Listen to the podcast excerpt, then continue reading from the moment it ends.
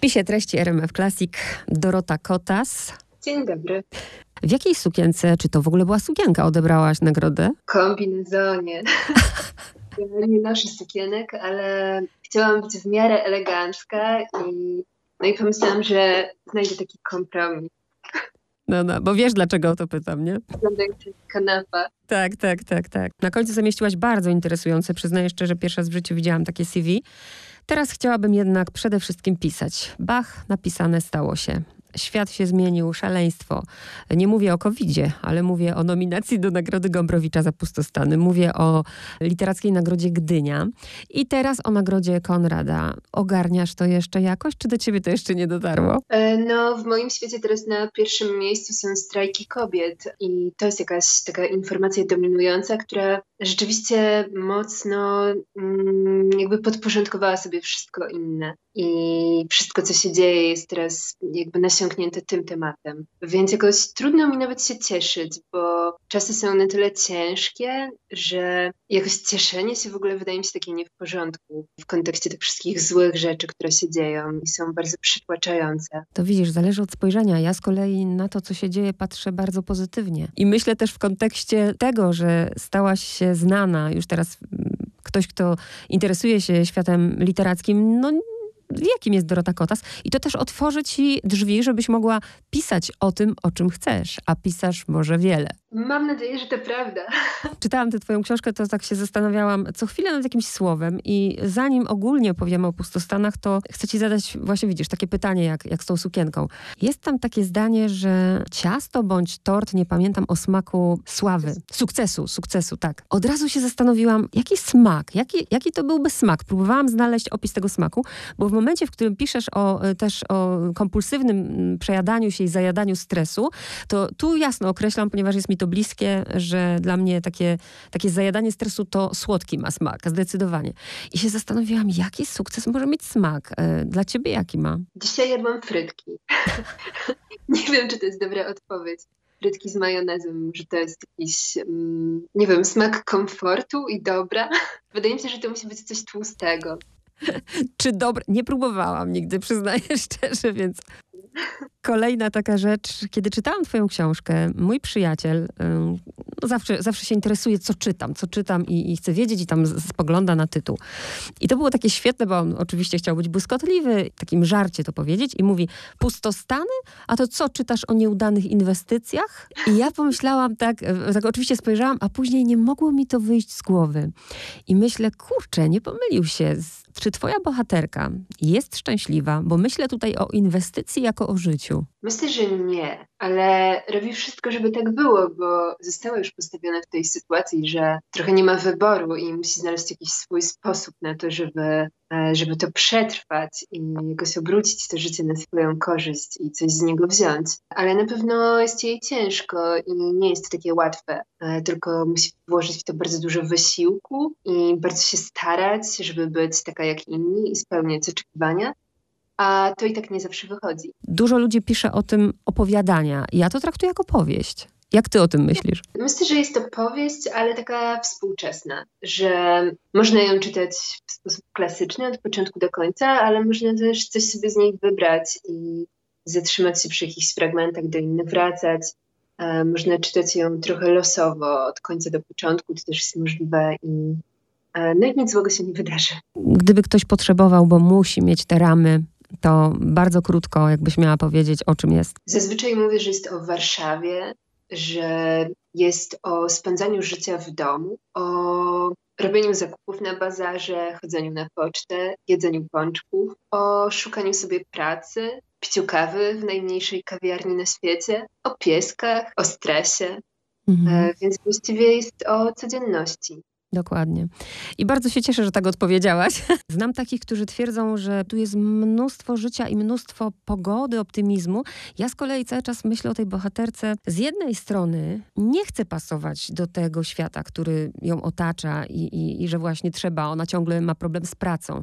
I wydaje się, że ta praca nie jest dla niej taka ważna, bo ważniejsze są inne rzeczy, ale, ale za chwilę jednak z każdej strony wybija ta praca.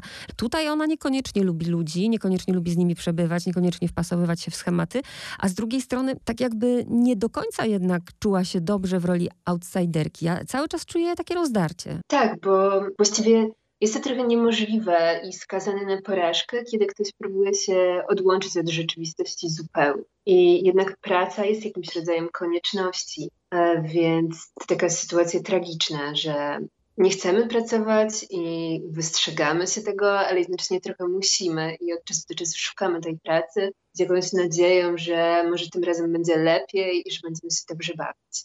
E, I myślę, że bohaterka tej książki też robi coś podobnego e, na wielu polach, bo ona też stara się nie posiadać zbyt wielu rzeczy, a jednocześnie trochę pragnie jakichś przedmiotów kupionych w sklepie, wszystko ze złotówkę. I jest w niej rzeczywiście sporo takich paradoksów i jakichś prób dopasowania się do systemu, a jednocześnie prób życia poza tym systemem na jakichś obrzeżach i marginesach. Właśnie i tak jakby podam swój przykład, oczywiście to wytnę, tego na antenę nie dam. Ja mam 42 lata, niczego nie posiadam. I na przykład spotykam swoje koleżanki, które już mają tam domy, dzieci, samochody i dziwią się, że ja nie mam kredytu i mieszkania. I ja mam takie momenty, przyznaję w życiu, że myślę sobie, Boże, nic nie osiągnęłam. Jest. Bo myślę, że tamto warunkuje szczęście i chciałabym być w tamtym miejscu, myśląc, że to wtedy jest dobrze, nie? I, I tak mniej więcej myślę o tej bohaterce trochę. Tak, myślę, że to jest bardzo dobra wypowiedź i że powinna pójść na antenę. E, my jesteśmy uwięzieni wszyscy w takich schematach, że z jednej strony wydaje nam się, że powinniśmy, powinniśmy być tacy jak wszyscy inni, a z drugiej strony też świat nakłada na nas takie oczekiwanie, że będziemy oryginalni i będziemy mieć swój styl, ale jest taki element presji, że żeby się upodobnić i jakoś zlać z tłumem i robić to, co wszyscy, bo to wydaje się w jakiś sposób łatwe i nie wiem, może przynoszące szczęście. Właściwie to nie muszę zadawać tego pytania, bo myślę, że bardzo ją lubisz, yy, swoją bohaterkę, ale zastanawiam się, czy ona, czy ona chciałaby być lubiana przez ogół i czy to, jaka jest, czy powoduje, że jest lubiana, bo raczej myślę, że niestety nierozumiana bardziej.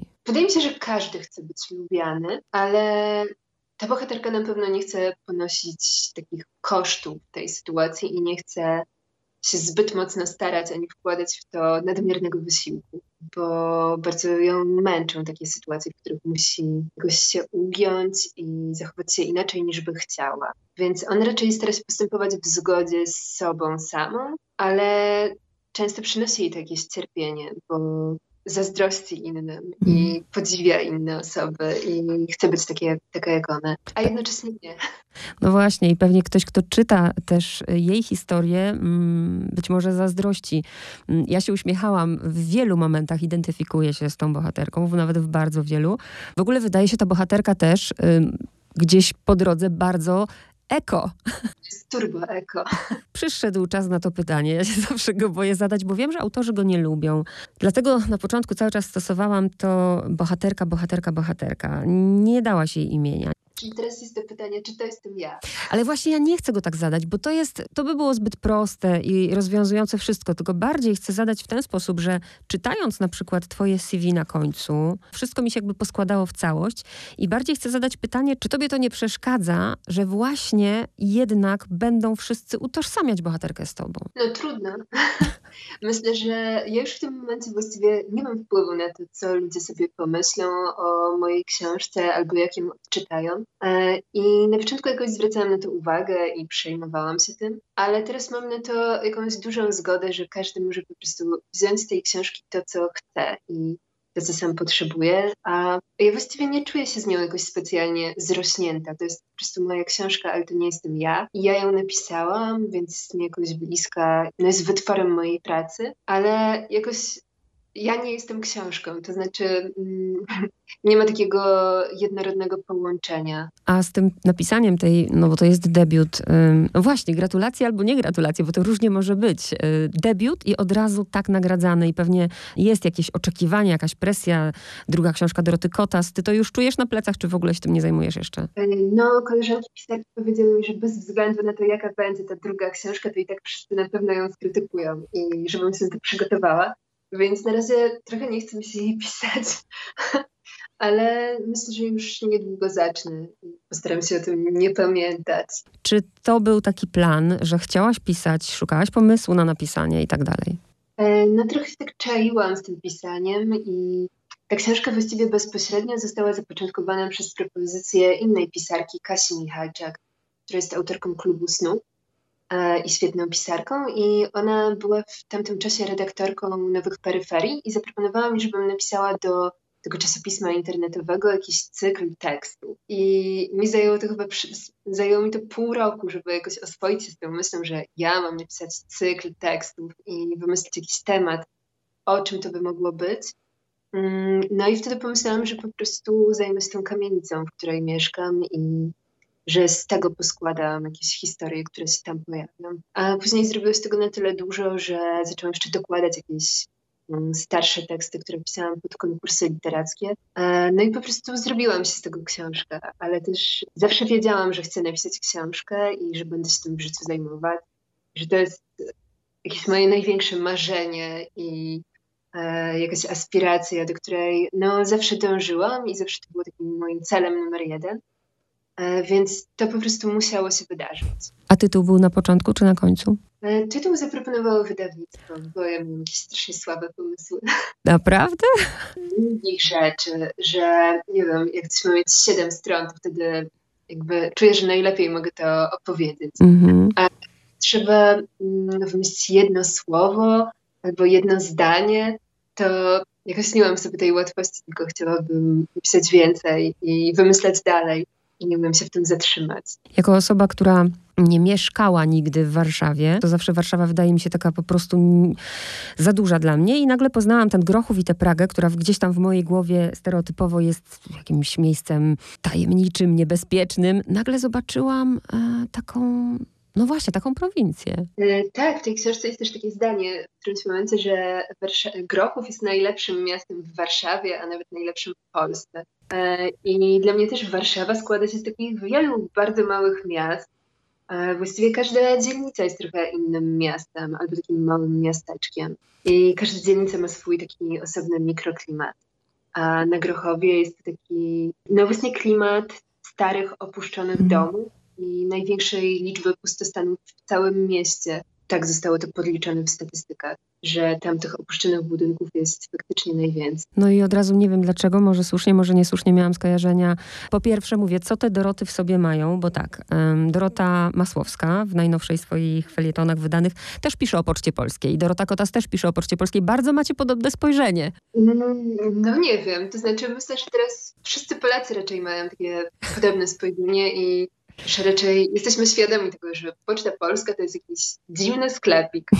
E, pełen jakichś nikomu niepotrzebnych gadżetów, pamiątek i no i tak naprawdę jakaś czytelnia czasopism i składzik, ręczników. Tak, i, i a propos, mm, kojarzy się z takim, z tym, jak chyba dzisiaj funkcjonuje to pojęcie patriotyzmu. Y, bardzo mi się podoba zdanie, bo twoja bohaterka no właśnie, nie chcę o niej mówić patriotka, ale bardzo, no niech będzie. Ona mm, ma w sobie potrzebę, żeby Polsce ugotować zupę. Tak. E, myślę, że ona jest patriotką, ale w taki um, niecodzienny sposób, bo um, jest, są jej dalekie takie postawy nacjonalistyczne jakichś chłopców z ONR-u i jest raczej patriotką, która wierzy w taką inkluzywność i w to, że trzeba włączać inne osoby w jakiś obszar swojego patriotyzmu i rozszerzać to pojęcie. Po prostu dla niej wiąże się to z gościnnością i z dawaniem innym osobom do zrozumienia, że też są u siebie. I niepodległą imprezę potrafi y, urządzić. Tak samo jak właśnie mm, przedmioty skojarzyły mi się z wichą.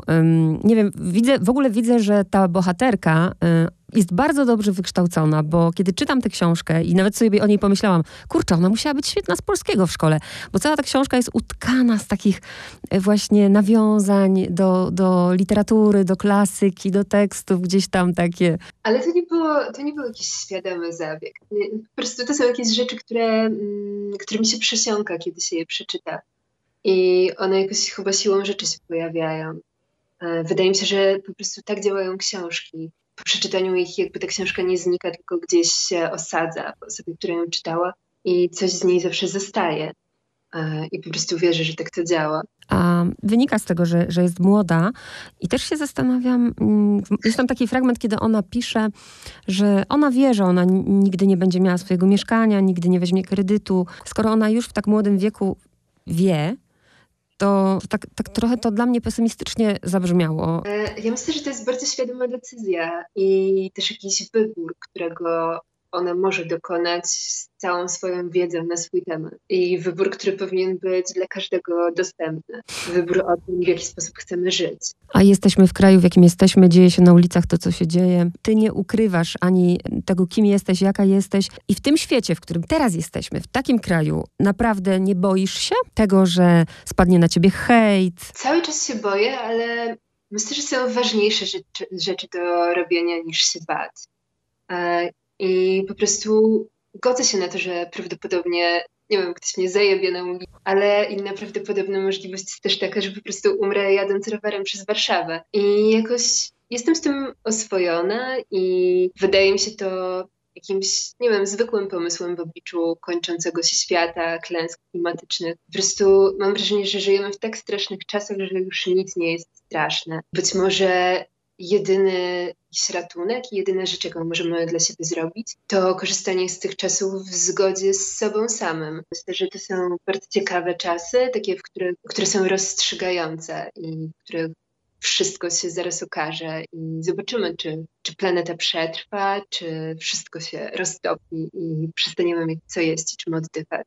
Pisarze wiedzą i widzą o wiele więcej. A taka recepta, jeszcze myślę o niej, mm, wracając do bohaterki, bo ona mówi o tym właśnie, zamiast robić, akurat się uśmiechnęłam do tego bardzo, tak jakby mówiła trochę o mnie, zamiast robić kolejny kurs mindfulnessu, to po prostu idź po chleb na przykład, nie? Czy Dorota Kotas żyje tu i teraz? Chciałaby i się stara, ale jest, no jest różnie. Nie, jest, nie jestem jakimś buddyjskim mnichem i no nie mam też takiej łatwości dostrzegania w codzienności wszystkiego i pełnego sensu.